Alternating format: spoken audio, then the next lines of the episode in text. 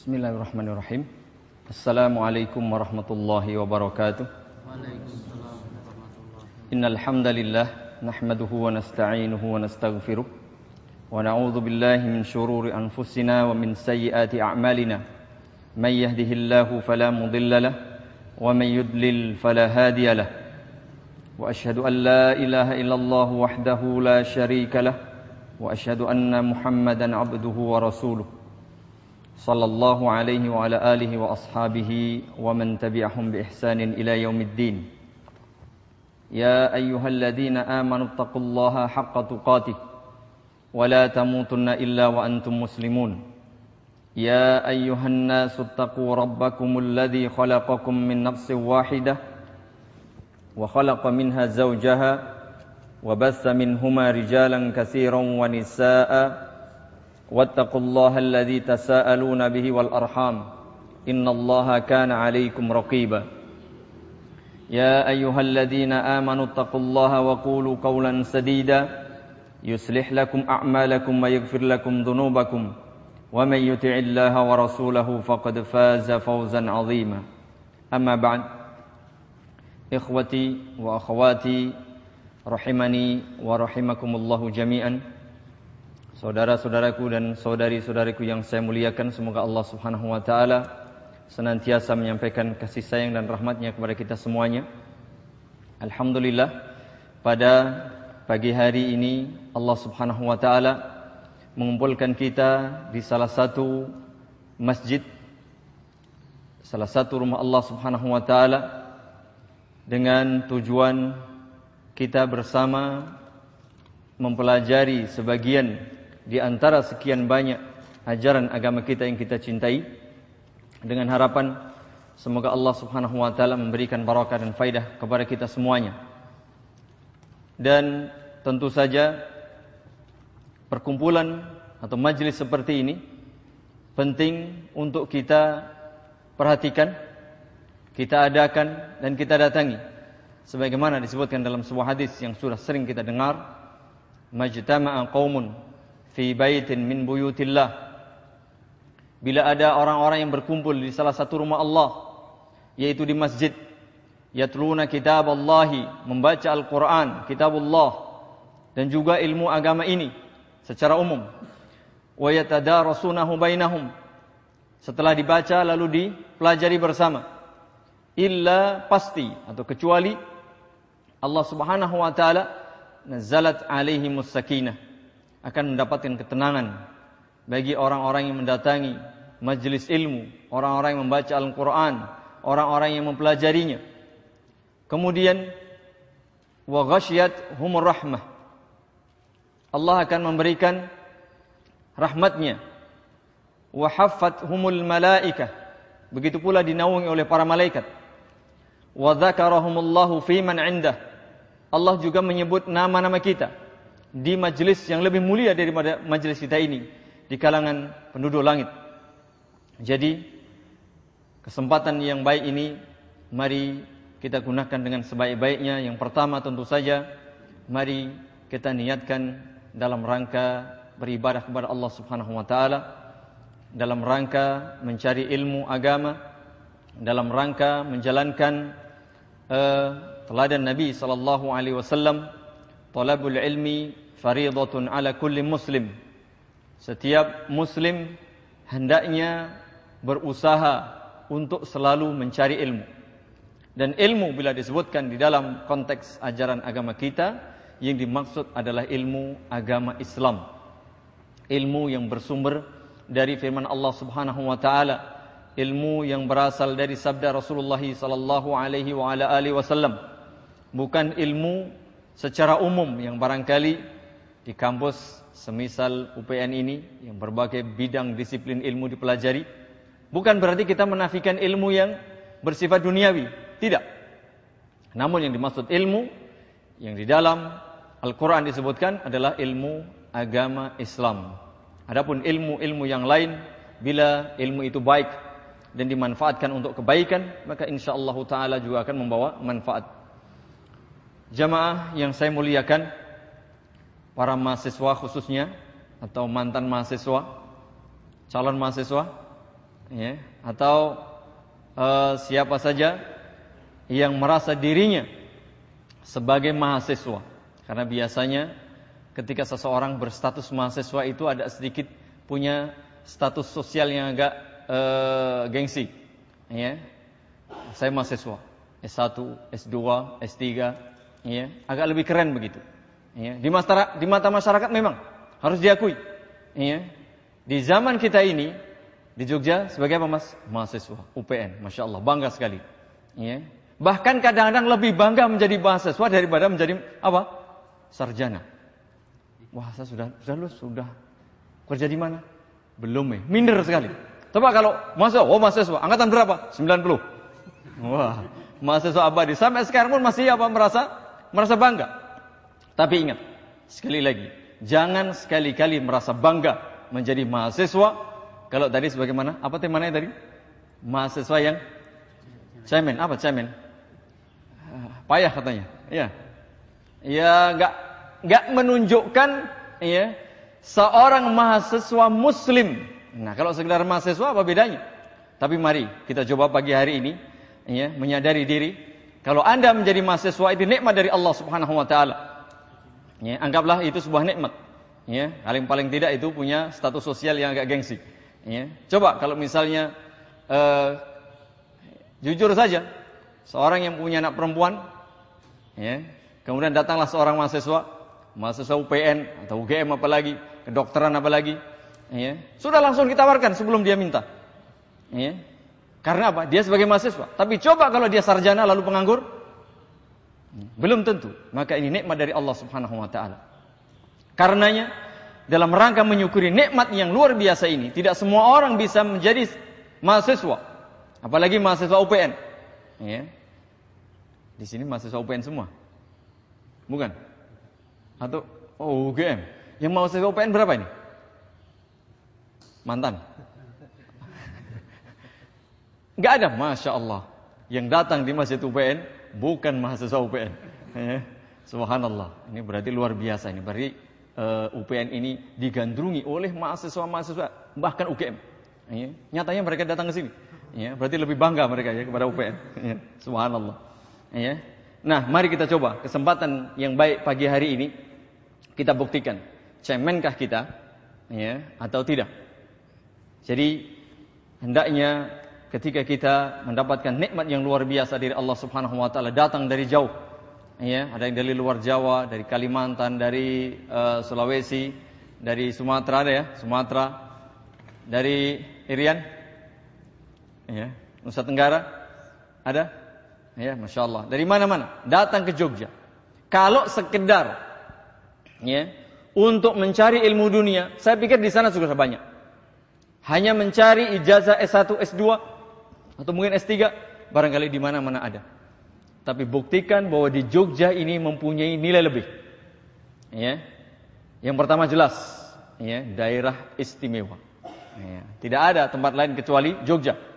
Ya. DIY itu hanya di Jogja, nggak ada di seluruh dunia. Bahkan di Indonesia hanya Jogja. DIY. Ya. Kalau Jakarta itu kan DKI, ya kan? Kalau Aceh mana? Daerah istimewa Aceh. Kalau di DIY hanya satu-satunya di dunia di Jogja. Oleh karena itulah manfaatkan kesempatan emas ini, ya. Anda antum semuanya sudah datang di tempat yang istimewa. Kita tidak mengatakan tempat terbaik, tapi tempat istimewa karena namanya daerah istimewa Yogyakarta. Mari kita gunakan sebaik-baiknya untuk beribadah kepada Allah Subhanahu wa taala. Jangan menjadi mahasiswa yang payah tadi. Nah, sebagaimana sering kita sampaikan, ya, untuk bisa melakukan aksi, untuk bisa melakukan aktivitas, kegiatan yang membuat kita tidak payah, membuat kita menjadi mahasiswa yang cerdas. Mari kita ingat kembali bahwa walhamdulillah kita, saya selalu mengingatkan diri kita, diri saya dan antum semuanya. Kita ini sebagai manusia, yang awal pertama kali kesadaran yang harus selalu kita jaga adalah bahwa kita ini manusia. Karena dalam kenyataannya betapa banyak manusia, ya kalau kita lihat lahiriahnya, itu tidak sadar sesungguhnya dia sebagai manusia. Mengapa? Nyatanya aspal pun katanya dimakan. Besi dilahap, ya kan? ya, barang tambang keras-keras itu dimakan semua, batu dilahap semua. Berarti tidak sadar dirinya sebagai manusia. Ini. Coba kalau kita sadar diri kita manusia. Untuk apa Allah ciptakan kita sebagai manusia? Wa ma khalaqtul jinna wal insa illa liya'buduni kata Allah. Tugas utama kita sebagai manusia adalah beribadah kepada Allah Subhanahu wa taala. Ini syukur pertama kali adalah kesadaran diri kita manusia, lalu oh ternyata saya diciptakan oleh Allah supaya apa? Beribadah kepadanya. Yang kedua, ketika kita diperintah supaya beribadah, bahwa Allah Subhanahu wa taala tidak membiarkan kita. Terserah Mas mau ibadah, yang penting ibadah kepadaku. Tidak. Allah telah memberikan jalan. Inna dina indallahi al-Islam. Jalan ibadah ini hanya Islam. Agama yang diakui oleh Allah, agama milik Allah yang diberikan kepada hamba-hambanya ini al-Islam, hanya Islam. Kalau kita sudah menjadi seorang muslim, kita alhamdulillah menjadi seorang manusia. Yang kedua, walhamdulillah kita menjadi seorang muslim. Tinggal kita meniti ya, meniti jalan Islam ini. Maka kalau setiap hari kita diperintah oleh Allah Subhanahu wa taala membaca doa yang kita baca paling tidak 17 kali. Apa doa itu? Ihdinas siratal mustaqim. Ya Allah, tunjukilah kami jalan yang lurus. Ya. Siratal ladzina an'amta alaihim. Jalan orang-orang yang telah engkau anugerahi nikmat. Ghairil maghdubi alaihim. Bukan jalan orang-orang yang dimurkai. Waladhdallin dan bukan pula jalan orang-orang yang sesat. Tapi dalam kenyataannya betapa banyak orang yang membaca Al-Fatihah setiap hari itu, ya kan? kemudian ternyata dia masih meniti jalan yang tidak lurus. Ya, berarti payah tadi katanya. Ya, mahasiswa yang konon katanya menjadi cendekiawan muda sebelum dia menjadi cendekiawan yang senior begitu. Ya, saya tidak mengatakan cendekiawan sepuh, ya, cendekiawan senior. Ya, itu kadang-kadang tidak sadar.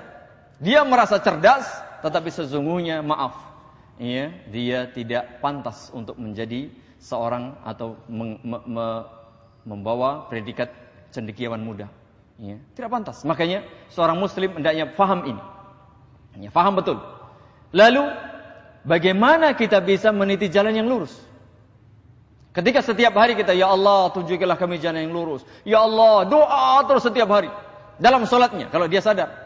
Di luar sholat pun dia sadar, Ya Allah berilah aku surga, berilah ini dan seterusnya. Tapi ternyata tidak ada upaya dia ingin masuk surga, dia ingin sukses, dia ingin ini dan seterusnya. Ya, tetapi ternyata dia punya usaha untuk menggapai kesuksesan itu. Berarti payah atau tidak? Payah. Ya, mari kita buktikan. Ya, contoh saja uh, Mas Adi, ini kalau jamaah sholat berapa? Penuhkah di siang hari? Pernah melihat beludak sampai di luar? Belum pernah ya, di siang hari.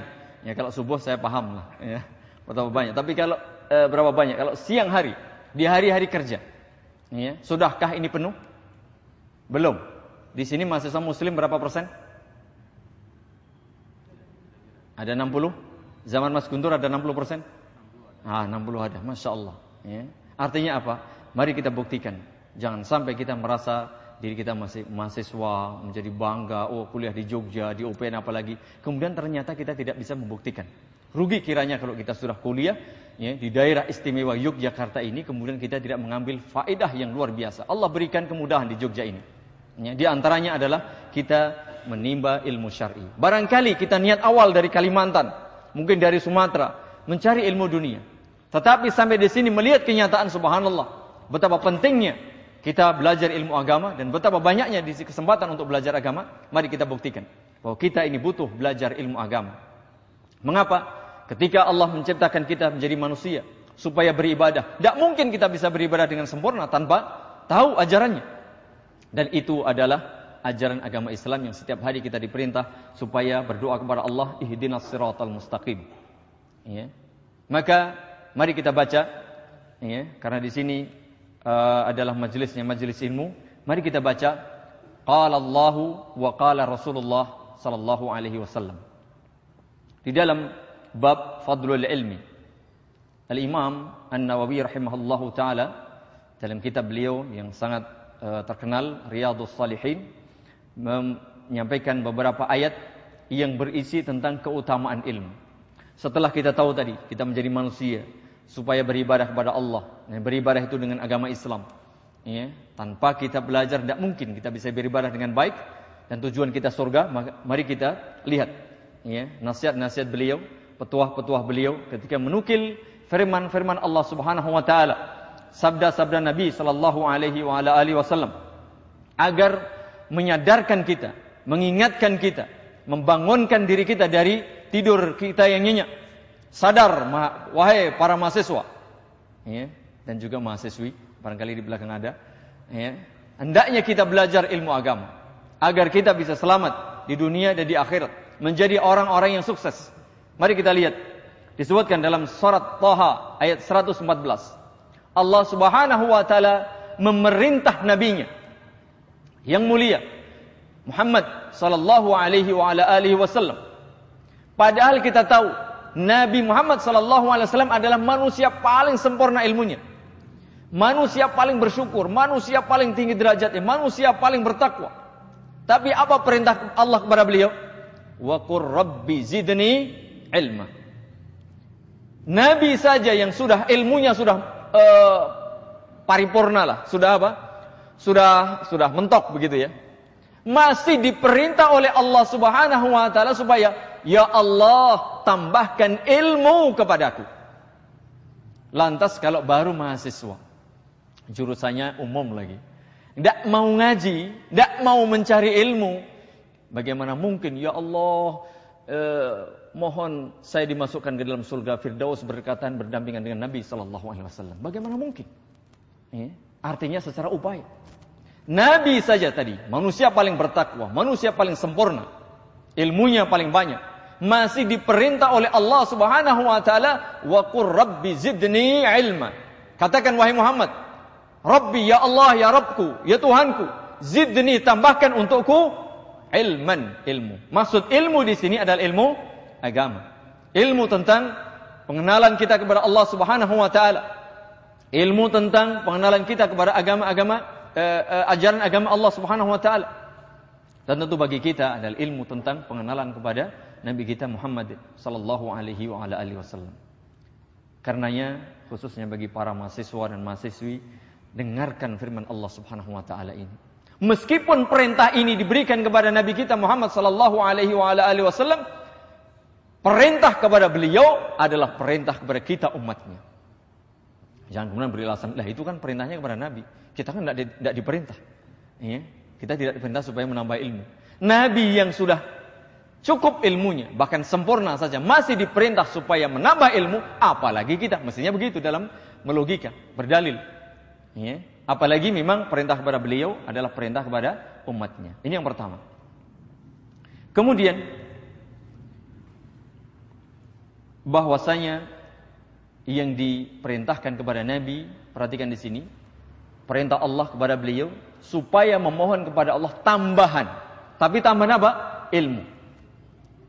Ini menunjukkan bahwa ilmu agama, ilmu syariat mempunyai keutamaan dan kemuliaan yang luar biasa. Tetapi sering kali yang kita minta kepada Allah apa? Tambahan apa? Ya, yang sudah punya istri, ya Allah tambahkan aku istri lagi. Yang sudah punya mobil, ya Allah tambahkan aku mobil. Yang sudah punya rumah, ya Allah tambahkan rumah untukku lagi. Yang sudah menjabat sekali periode, ya Allah tambahkan sekali lagi jabatanku. Yang sudah mempunyai ini dan itu, ya Allah tambahkan hartaku, tambahkan ini dan seterusnya. Ya. Tetapi kapan kita pernah berdoa, ya Allah tambahkan ilmu kepadaku? Ya. Sudahkah? Atau jangan-jangan kita berdoa itu, tapi doanya ilmu yang umum. Bukan ilmu agama. Ya. Sekali lagi kita tidak menafikan ilmu umum, tidak. Tapi ilmu agama ini ilmu yang pertama. Maka penting kiranya. Silakan dibaca. Ya. Kalimat yang singkat. Tapi sesungguhnya ini mengetuk kesadaran kita. Sudahkah kita menjadi mahasiswa, mahasiswi yang cerdas? Yang bisa menangkap pesan-pesan Allah subhanahu wa ta'ala. Lewat ayat-ayat qauliyah. Al-Quran maupun Al-Hadis yang sahih. Ataupun juga lewat ayat-ayat kauniyah. Inna fi khalqis samawati wal ard Waktilafil laili wan nahari la ayatin liulil albab. Penciptaan langit dan bumi. Ya, bergantinya siang dan malam ini mestinya menjadi tanda-tanda kekuasaan Allah bagi orang-orang yang mau menggunakan akalnya. Siapa mereka itu? Alladzina yadhkuruna Allah, orang-orang yang ingat kepada Allah, berzikir kepada Allah, kiaman ketika berdiri, solat berdiri, zikir kepada Allah. Wa qu'udan ketika duduk dalam salat. Ya, wa ala junubihim atau ketika berbaring. Mungkin dia sedang sakit, tidak bisa duduk, tidak bisa berdiri, salat dengan berbaring atau berzikir secara umum. Kapan saja ketika kita berdiri, ketika kita duduk atau ketika kita berbaring. Ya, berzikir kepada Allah. Kemudian yang pertama, berzikir. Orang-orang yang mempunyai akal yang digunakan untuk memikirkan ayat-ayat Allah siapa? Yang berzikir kepada Allah. Yang kedua, wa yatafakkaruna fi khalqis samawati wal ard dan memikirkan ini ciptaan Allah. Ayat-ayat Allah yang qauliyah maupun yang kauniyah. Kemudian apa hasil dari pemikiran, perenungan itu apa? Rabbana ma khalaqta hadza batila. Ya Allah, kesimpulannya orang yang mau menggunakan akal dan pikirannya memikirkan ciptaan Allah, ayat-ayat qauliyah dan juga ayat-ayat kauniyah, maka uh, dia akan mengambil sebuah kesimpulan. Rabbana ma khalaqta hadza. Siapa yang bisa mengambil kesimpulan seperti ini? Orang yang mempunyai ilmu. Sesungguhnya semua yang kau ciptakan ini tidak ada yang sia-sia. Subhanak, maha suci engkau ya Allah. Tapi coba lihat, ya, kalau sekedar ya kita tahu ilmu umum, ilmu apa, ya hanya masya Allah ini indahnya dinikmati, ini masya Allah nikmatnya kulineran di Jogja, ya kemudian wisata di Jogja, tapi kemudian tidak mengatakan subhanak, ya Rabbana ma khalaqta hadza batila, ya subhanaka kemudian faqina ada benar. Mestinya begitu. Siapa ini? Orang yang tahu ilmu agama. Ya, kalau sekedar menikmati dunia, ya dunia itu indah. Padahal di balik keindahan dunia itu mesti logikanya ada zat sang pencipta al-khaliq yang mesti maha indah. Innallaha jamilun. Mestinya begitu. Sehingga kesimpulan ini hanya diberikan hanya bisa diberikan oleh orang-orang yang menggunakan akalnya. Dan siapa itu? Seorang muslim, apalagi mahasiswa, apalagi mahasiswi yang mengaku dirinya ya, sebagai cendekiawan yang muda tadi. Nah, ketika kita menjadi mahasiswa, barangkali kita juga tidak ingin menjadi mahasiswa selamanya. Ya. Tujuan kita menjadi baik dan seterusnya. Maka jangan lupa, ya, di sela-sela belajar antum, ya, menekuni ilmu duniawi untuk menggapai uh, barangkali kesuksesan, maka jangan lupa. Saya pikir orang tua antum, ya, sampai berkorban rela menyekolahkan anda, membiayai anda yang mungkin kalau dihitung sudah berapa ratus juta atau bahkan miliaran Sejak bayi sampai hari ini. Untuk apa? Agar antum kita semuanya menjadi orang baik. Kan begitu? Meskipun mungkin sarjana S1, S2, S3 menjadi pejabat, menjadi orang kaya, tapi kemudian dia menjadi tidak baik, misalnya jadi koruptor, kemudian di eh, penjara, orang tua malu. Ya, atau mungkin jadi penjahat, atau mungkin ini dan itu, akan malu. Tapi ingat, semua kita, orang tua kita, pasti ingin kita menjadi baik. Terlepas misalnya nilainya pas-pasan tidak masalah mas, yang penting baik. Kan begitu. Syukur-syukur dia cum laude, berprestasi, kemudian dia apa? Dia baik.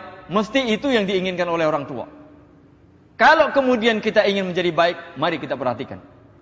Dalam sebuah hadis yang diriwayatkan oleh sahabat Muawiyah radhiyallahu anha, riwayat Imam Bukhari dan Muslim, yang juga sudah sering kita dengar, bahkan kita hafal.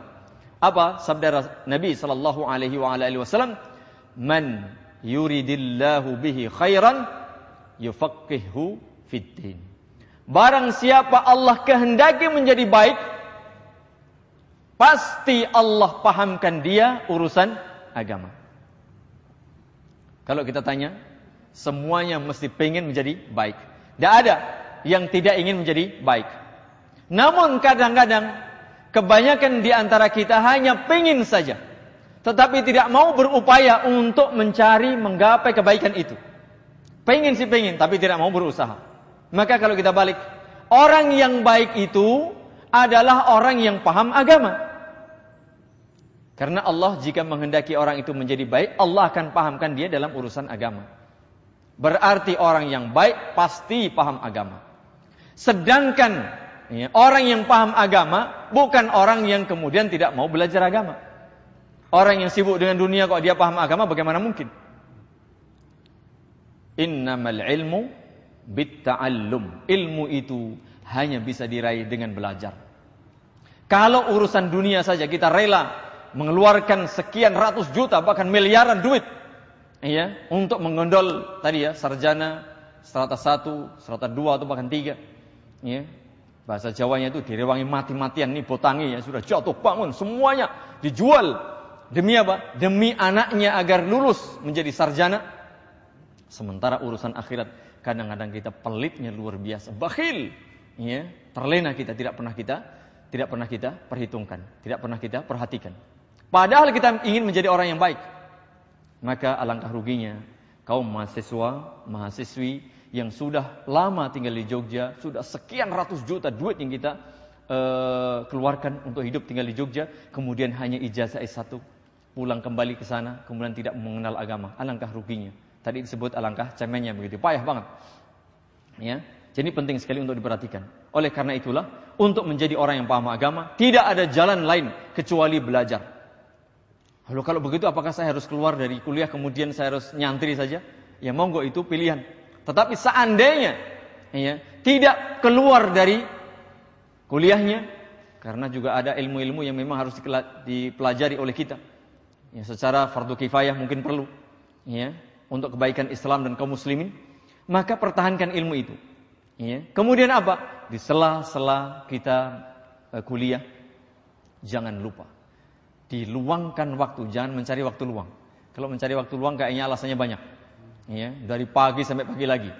Ya, kuliah sampai sore, habis itu apa? Fitness, apa lagi? Kulineran malam. Ah, malam lagi eh ini nonton uh, El Clasico misalnya. Macam-macam, ya. Ya kan? Jadi, Masya Allah, nggak ada waktu kosong. Maka sempatkan di jadwal, di manage waktu. Ya. Untuk apa? Untuk belajar agama. Nggak usah banyak-banyak. Kalau kita dikasih waktu 24 jam. Untuk kuliah berapa jam rata-rata setiap hari? Hah, dua jam itu masalah. Ya. Berarti yang 22 jam ke mana? Kan begitu. Paling kalau 24 SKS itu di berapa jam? Berarti paling 8 jam. Ah, 8 jam. Masih ada 16 jam. Untuk tidur 7 jam. Berarti masih ada 9 jam. Ke mana 9 jam itu? Bukankah tujuan kita ya, mahasiswa datang ke JJ untuk belajar, ya kan? Untuk belajar, tapi mengapa kemudian jalan ke sana kemari untuk macam-macam? Ya maka hendaknya diperhatikan. Amanah dari orang tua untuk belajar di Jogja. Tunjukkan ya, bahwa orang yang kuliah di Jogja itu bukan sekedar mempunyai ijazah S1. Tetapi buktikan bahwasanya mempunyai ijazah-ijazah yang lainnya. Ya, ini penting untuk diperhatikan. Di antaranya adalah tadi menjadi mahasiswa ya nanti sarjana yang baik. Tunjukkan kepada orang tua. Bukan sekedar dia berprestasi di kuliahnya, di kampusnya, tapi dia berprestasi dalam hidup dan kehidupan sehari-hari. Tunjukkan menjadi seorang yang baik, berbakti kepada orang tua, jelas. Ya. Maka orang tua akan bangga, orang tua akan senang dan ini sebuah ibadah ketika kita berbakti kepada orang tua. Jangan kemudian malah kita menyalahgunakan ya, kirimannya untuk bayar SPP disalahgunakan ya, untuk beli buku malah untuk beli yang lain atau bahkan barangkali mungkin e, bikin proposal sama orang tua mungkin yang tidak-tidak ya, ngapusi atau menipu dan seterusnya. Alasannya untuk ini dan itu dan seterusnya, tetapi ternyata digunakan untuk hal-hal yang tidak benar. Maka sekali lagi hadis yang sering kita dengar, "May yuridillahu bihi khairan yufaqihu fid din." Dan untuk faham agama tidak ada cara lain kecuali hanya belajar. Di mana saja. Di antaranya apa? Datangilah majelis-majelis ilmu. Makanya ketika seseorang rajin mendatangi majelis ilmu, maka ini mudah-mudahan sebagai tanda bahwa kita ini dikehendaki baik oleh Allah. Mengapa? Karena kita berusaha untuk belajar agama, belajar memahami agama, menjadi orang yang faham agama. Sedangkan orang yang baik adalah orang yang faham agama. Maka mudah-mudahan upaya kita ini sebagai tanda bahwa Allah itu menjadikan, menginginkan kita orang-orang yang baik. Kemudian hadis berikutnya uh, yang bisa kita baca di antaranya adalah sabda Nabi sallallahu alaihi wa ala alihi wasallam. Dalam riwayat Imam Muslim dari sahabat Abu Hurairah radhiyallahu anhu, "Man salaka tariqan yaltamisu fihi ilman, sahhalallahu lahu bihi tariqan ilal jannah." Barang siapa menempuh suatu jalan dalam rangka mencari ilmu, perhatikan ketika ada istilah ilmu dalam firman Allah atau ucapan Nabi, maka maksudnya adalah ilmu ad-dinul islami, agama Islam. Barang siapa menempuh suatu jalan dalam rangka mencari ilmu agama Islam, maka Allah pasti mudahkan ia untuk menempuh jalan ke surga. Kalau ditanya lagi, pertanyaan kedua, Penginkah kita masuk surga? Semua orang mesti pengen masuk surga. Termasuk tadi, semua orang pengen menjadi baik. Maka salah satu upaya untuk kita, eh, bagi kita, agar mudah menjadi calon-calon ya, atau menjadi penghuni surga kelak adalah menempuh jalan untuk mencari ilmu agama. Baru berjalan saja. Subhanallah. Jadi barangkali kalau ini yang jauh, ya, dengan catatan berjalan loh ya. Siapa tadi yang berjalan kaki? Bukan begitu maksudnya menempuh satu jalan, tidak harus berjalan. Ya, kalimatnya di sini man salaka tariqan. Tidak mesti harus berjalan kaki. Ya, beda dengan kalau kita ke masjid. Ya, beda.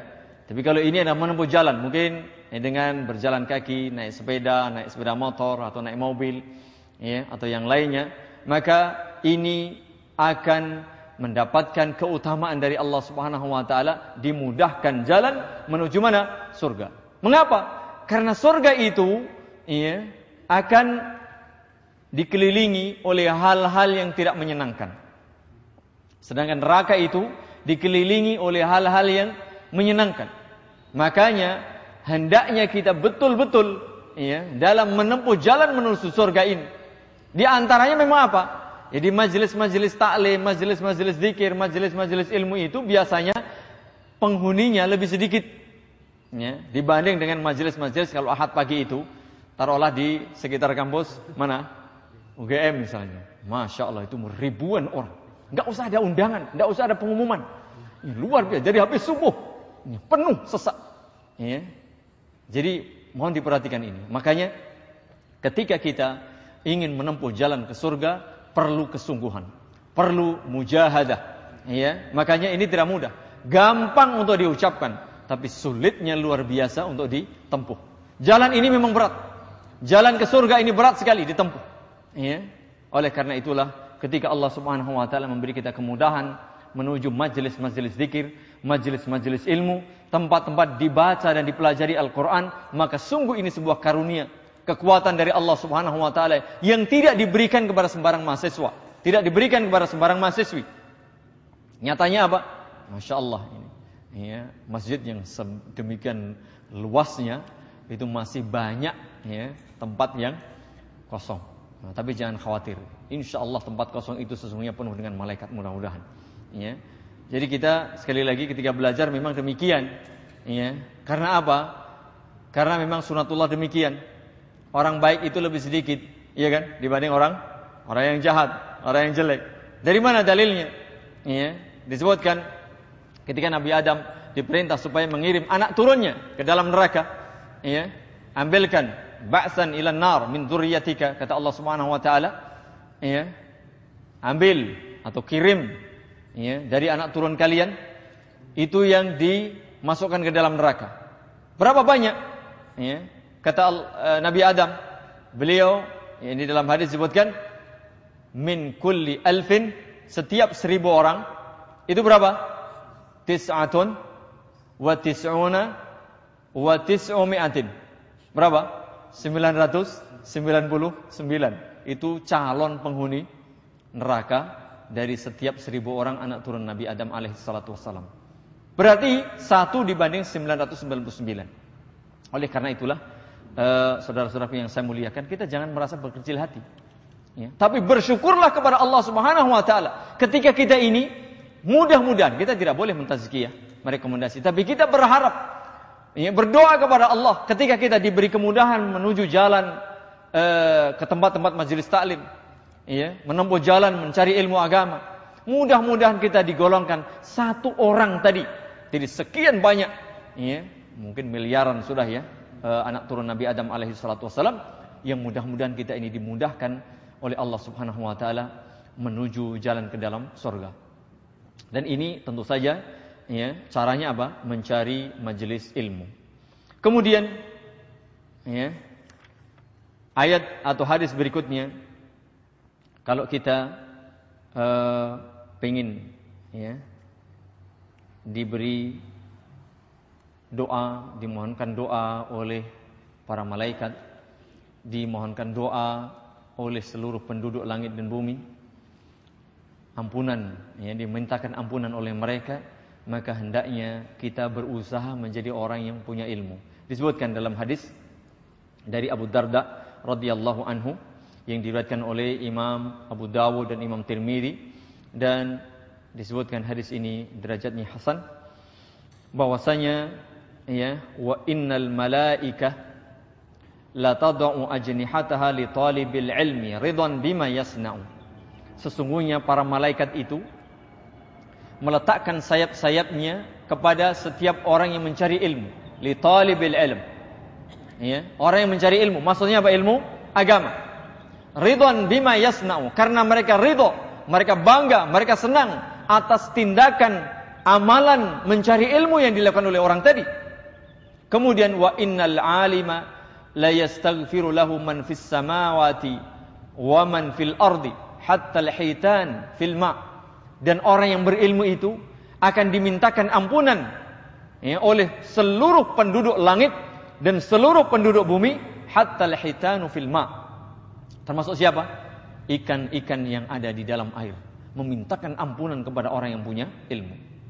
Subhanallah. Saya kira kita ini kalau tadi sadar sejak awal kita sebagai manusia, sadar pula kita ini banyak salah dan dosa. Kullu bani Adam khata. Setiap anak Adam itu banyak salah dan dosa. Ya. Kalau kita sudah sadar bahwa kita ini manusia, kita ini banyak dosa, mestinya kita berusaha untuk beristighfar kepada Allah Subhanahu wa taala. Sudah berapa banyak istighfar yang kita ucapkan setiap hari? Nabi saja orang yang sudah diampuni dosa yang lalu dan yang akan datang, sudah tidak ada dosa lagi masih beristighfar kepada Allah, wallahi inni la astaghfirullah wa atubu ilaihi fil yaum aktsara min 70 marrah. Demi Allah aku beristighfar bertaubat kepada Allah lebih dari 70 kali. Dalam riwayat yang lainnya beliau beristighfar 100 kali. Itu Nabi. Apalagi kita yang masih banyak dosa, berlumur, berlumuran, bergerimang dosa dan maksiat. Iya, belum lagi ada jaminan diampuni dosa kita yang lalu dan akan datang. Di samping kita banyak beristighfar, atau bahkan kadang-kadang kurang dari 70 kali kita beristighfar setiap hari. Ya, sudah begitu, kita tidak mencoba mencari jalan lain. Cobalah jalan lain. Apa itu? Jadilah talibul ilmi. Jadilah orang yang mencari ilmu syar'i, mencari orang yang berilmu. Agar apa? Dimintakan ampun oleh seluruh penduduk langit, seluruh penduduk bumi, bahkan termasuk ikan-ikan yang ada di lautan. Subhanallah. Siapa? Orang yang cerdas. Orang yang sadar dirinya manusia, sadar tugasnya beribadah kepada Allah, sadar bahwa beribadah itu hanya benar diterima oleh Allah bila dengan ilmu, sadar bahwa tujuan dia surga itu harus dengan ilmu, maka jangan sia-siakan kesempatan waktu, kesempatan kesehatan yang Allah limpahkan kepada kita, khususnya bagi para mahasiswa yang masih muda, ya, untuk apa? Semangat belajar mencari ilmu. Jangan kalah dengan yang sudah. Barangkali uh, usianya uh, lebih tua daripada kita ya tetapi semangatnya barangkali ini ya semangat muda. Kalau semangat tidak ada istilah tua maaf ya. Tidak ada kami merasa tua ya. Termasuk mungkin yang di sini yang usianya tua itu maaf ya. Jangan melihat wajahnya jangan melihat fisiknya. Wah itu bapak sudah tua. Enggak. Sesungguhnya jiwanya lebih muda daripada yang mungkin lebih muda. Yo iya. Enggak ada istilah selesai ya. Kita harus selalu berjiwa muda ya. Jangan berkaca Ya, kalau berkaca, waduh saya sudah putih, ini jadi jadi ngelokron, jadi minder dia. Tapi jangan, ya, jangan sering-sering kita berkaca. Sehingga apa lupa kalau kita sudah tua. Ya, artinya semangatnya harus muda terus. Ya, nah kadang-kadang kalau urusan semangat muda ini urusan itu-itu saja enggak, urusan mencari ilmu. Nabi sampai umur 63 tahun. Beliau mencari ilmu, Rabbi zidni hilma. Tapi yang kita lihat, ya, kadang-kadang yang dipikir apa? Saya ini masih jiwa muda kalau urusan menikah lagi katanya. Tapi kalau untuk belajar mencari ilmu, aduh saya ini sudahlah, saya ini sajalah, saya usaha saja, saya bisnis saja, saya nanti sumbang duitnya saja deh. Innalillahi wa inna ilaihi rajiun. Tidak ada istilah tua dalam belajar.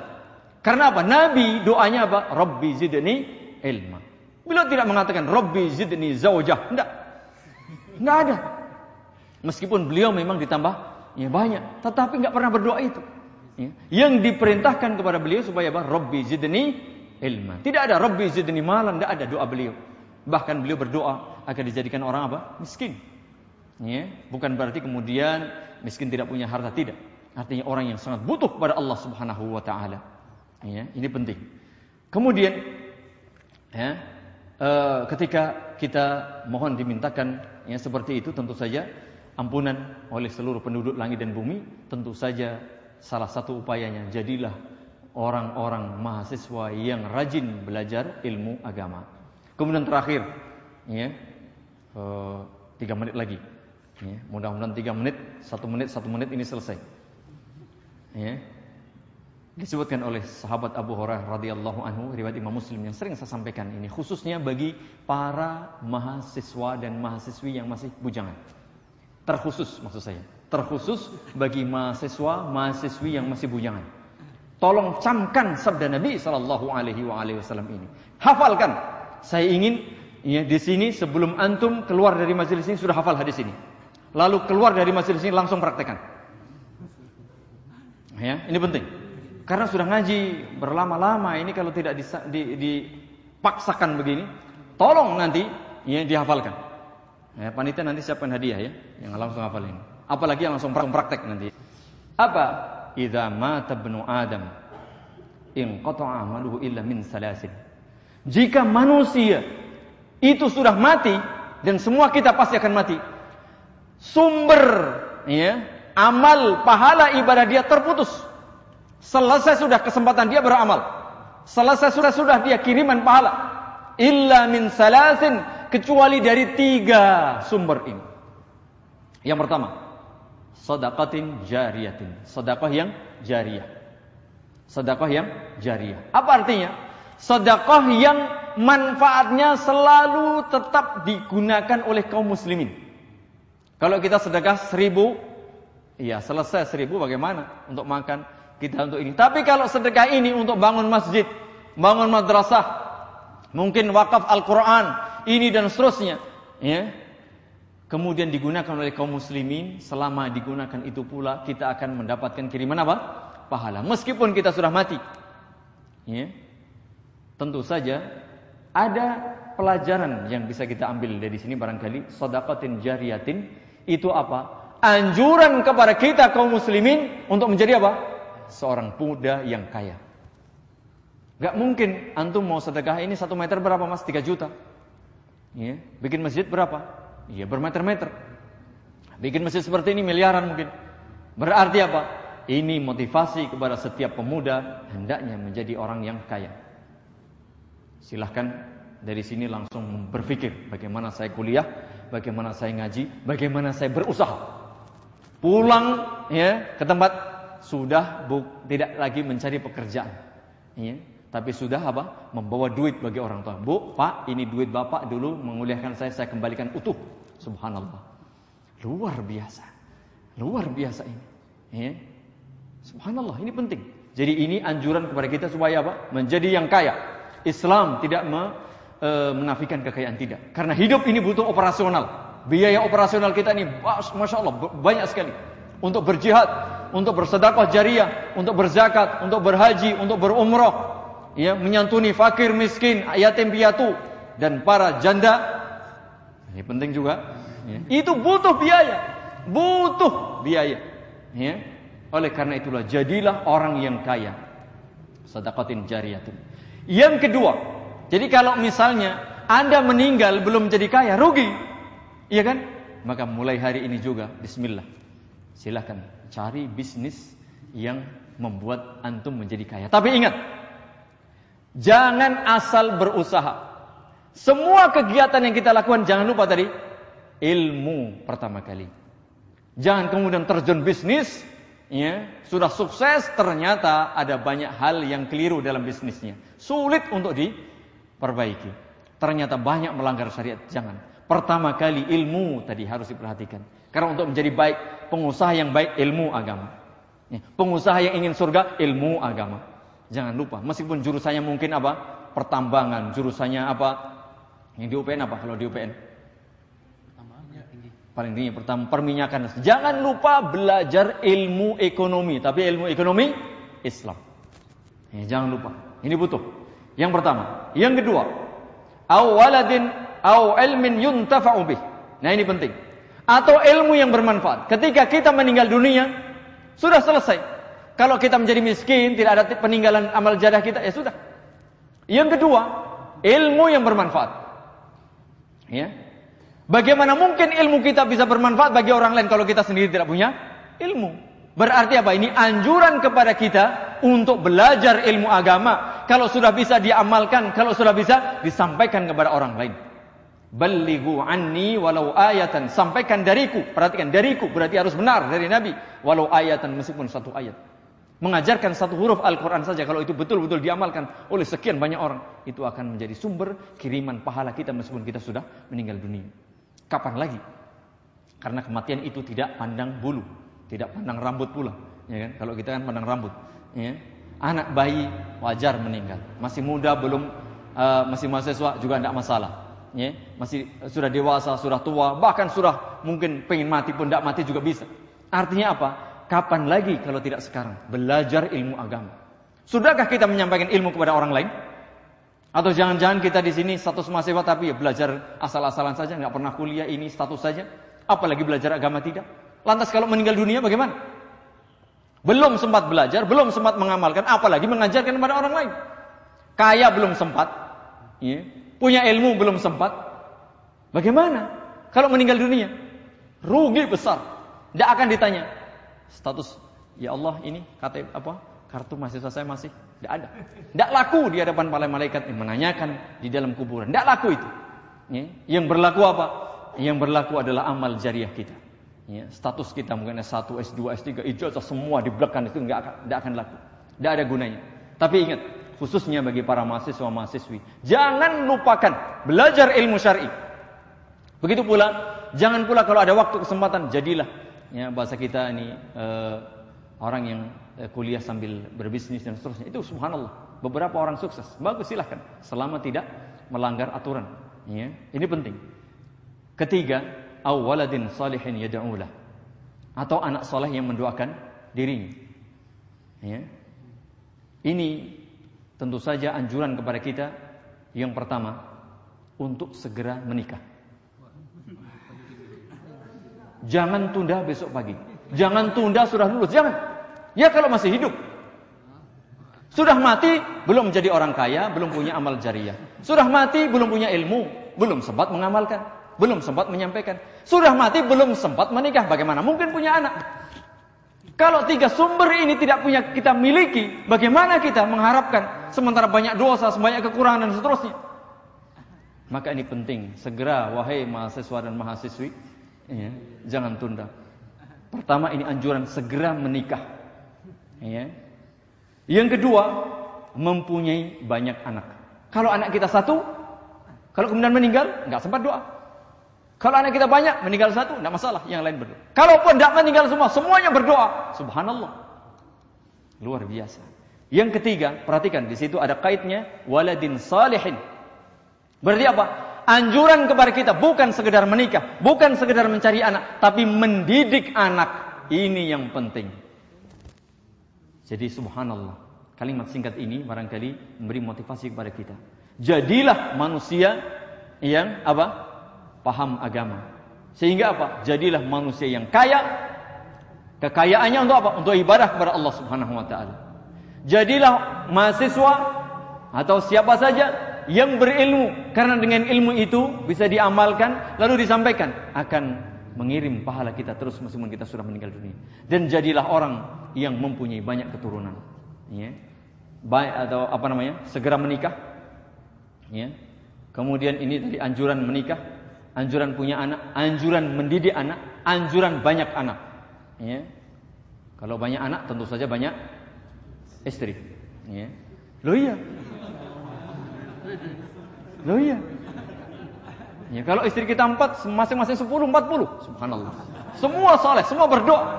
Beda dengan doanya satu orang. Ya. Jadi ini subhanallah, para mahasiswa sebelum kiamat tiba, hendaknya segera ya, Anda menikah sekarang juga. Silakan dihafalkan hadis ini, keluar dari majelis ini, direnungkan, difahami, dipraktekkan insyaallah dengan isti'anah memohon pertolongan kepada Allah Subhanahu wa taala. Jadi barangkali demikian satu dua hadis dan satu ayat tadi dengan harapan apa?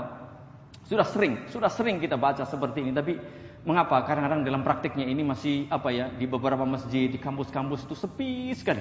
Ya, kalau urusan pengajian, mengapa? Barangkali belum sadar tadi, nggak sadar dirinya manusia, nggak sadar dirinya sebagai seorang muslim, nggak sadar dia mesti beribadah kepada Allah, nggak sadar bahwa ketika untuk menggapai surga perlu ilmu, ya, nggak sadar itu. Makanya pentingnya kita seperti ini, ya, termasuk apa? Tidak ada istilah menikah itu mengganggu kuliah. Tidak ada istilah mengaji mengganggu kuliah. Tidak ada. Tidak ada istilah usaha mengganggu kuliah. Tidak. Karena ini sabda Nabi SAW. Jangan tunda besok. Fastabikul khairat. Ya, mumpung masih banyak stok. Loh iya. Loh iya. Ini Masya Allah ini. Nanti kalau sudah rebutan. Ya jangan. Mumpung masih ada. Ini saya lihat masih banyak yang belum menikah ini. Karena wajahnya pun kelihatan ya. Wajah-wajah belum menikah ini. Kalau sebelah sini wajah-wajah pengen menikah lagi. Karena sudah betapa indahnya menikah itu. Ya, jadi intinya tidak ada istilah terlambat dalam belajar. Tidak ada istilah terlambat untuk menjadi yang terbaik. Ya, tidak ada istilah terlambat untuk ya, memperbaiki diri. Jadi sekali lagi meskipun di sini barangkali sedikit jangan merasa rendah, jangan merasa minder karena toh ya, kebaikan itu tidak diukur oleh banyaknya pengikut. Bahkan besok akan ada nabi yang hanya diikuti oleh 10 orang, bahkan di bawah 10, bahkan hanya diikuti dua pengikut, bahkan ada nabi yang di akhir besok hari kiamat tidak mempunyai pengikut. Tetapi yang jelas kita berusaha menyampaikan ilmu, berdakwah, ya, menyampaikan kebenaran dengan harapan tentu saja eh, semoga Allah Subhanahu wa taala menjadikan kita orang-orang yang baik, orang-orang yang menjadi penghuni surga dan disebutkan jelas tadi dalam hadis yang lainnya khairukum man ta'allama al-Qur'ana wa 'allamahu. Sebaik-baik kalian adalah orang yang mau belajar Al-Qur'an dan mau mengajarkannya. Bahkan kalau kita mau sukses, hendaknya kita menjadi orang yang suka belajar Al-Qur'an. Innallaha eh, yarfa'u bihadzal kitabi aqwaman. Allah akan meninggikan kaum-kaum ini menjadi tinggi di dunia dan di akhirat berdasarkan Alkitab ini. Jadi Al-Quran dibaca, dipahami, di majelis ilmu seperti ini, pengajian dan seterusnya, dihafalkan, dibela. Sebaliknya kalau kita sudah melupakan Al-Quran, melupakan majelis ilmu, melupakan ajaran Islam, wa bihi akharin, Allah juga akan merendahkan, menghinakan umat ini terpuruk di bawah kalau mereka sudah meninggalkan Al-Quran, meninggalkan majelis ilmu, meninggalkan ya, majelis zikir. Mudah-mudahan pertemuan kita pada pagi hari ini betul-betul membawa barokah dan manfaat bagi kita semua. Semoga Allah Subhanahu wa taala menjadikan kita orang-orang yang ahli Al-Qur'an, orang-orang yang mengamalkan, orang-orang yang mempelajari dan mendakwahkan Al-Qur'an dengan harapan semoga Allah Subhanahu wa taala menjadikan kita orang-orang yang menjadi pewaris surga Jannatul Firdaus. Allahumma amin. Kurang lebihnya saya mohon maaf. Mudah-mudahan bermanfaat. Subhanakallahumma bihamdika asyhadu an la ilaha illa anta astaghfiruka wa atubu ilaik. Wa ala nabiyyina Muhammad walhamdulillahi rabbil alamin. Assalamualaikum warahmatullahi wabarakatuh. Kalau tidak ada yang bertanya, saya yang bertanya. Loh iya. Ya sama jangan tadi uh, sesinya tanya jawab. Ya. Oh gitu. Monggo monggo. Bukan mau bertanya kan?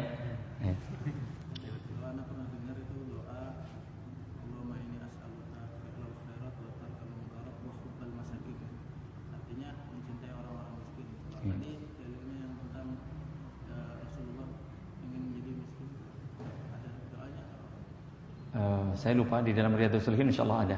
Saya lupa lafalnya. Iya.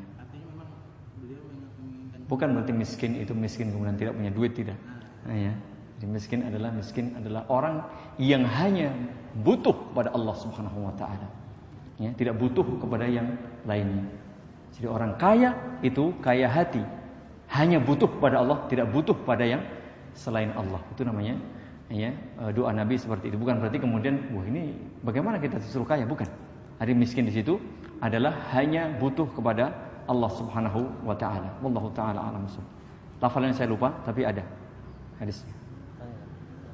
Uh, kalau misalkan ada doa misalkan uh, doa yang biasa diucapkan Rasulullah di pagi dan sore yeah. itu apa bisa dipakai untuk misalkan kita pakai di waktu sujud seperti itu Ustaz. Misalkan kita lihat lafadznya kok e, sesuai dengan apa yang kita minta, tapi itu sebenarnya biasa diucapkan Rasulullah di sore hari.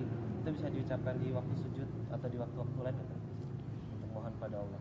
Wallahu taala alam bisawab. Memang kondisi terdekat seorang hamba dengan Allah Subhanahu wa taala ketika dia sujud. Aqrabu ma yakunu al-'abdu e, min rabbih wa sajid.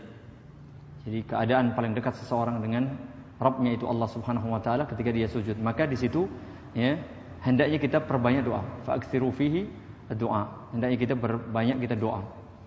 Uh, taala alam bisawab. Yang jelas doa di situ uh, secara umum. Namun uh, sebagian ulama menyebutkan hendaknya kita berdoa dengan lafal-lafal atau doa-doa yang dicontohkan oleh Nabi Shallallahu Alaihi Wasallam. Secara khusus mungkin dalam sholat atau secara umum. Ya.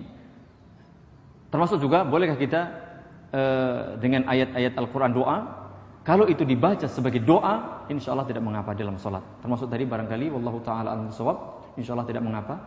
Ya, kalau memang kita butuh, ya, selama itu tidak menjadi e, kebiasaan. Nanti khawatirnya kalau menjadi kebiasaan apa? Dianggap itu doa ketika sujud. Tapi kalau sesekali, wallahu taala alam sawab, mudah-mudahan tidak mengapa.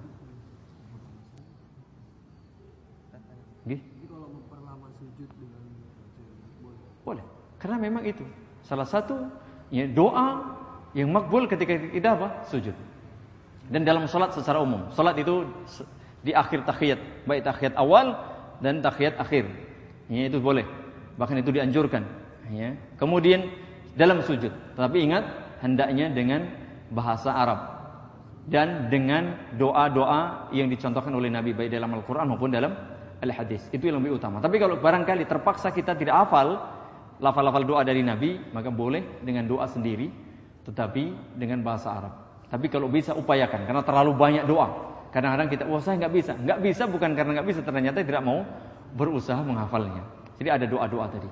Allah Taala alam Kalau tidak ada sambil uh, ini, saya ingin bertanya, ya. Dalam tadi surat Toha ayat 114 Allah Subhanahu wa taala memerintah nabinya Muhammad sallallahu alaihi wasallam supaya berdoa. Bagaimana lafal ayat tadi? Monggo, Kak Gun. Nah, wa qur rabbi zidni ilma. Bagaimana artinya?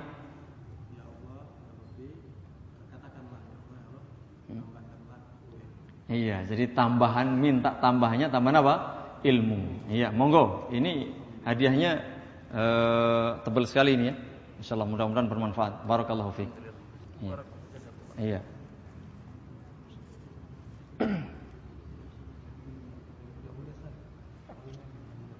Oh ya mudah sekali itu.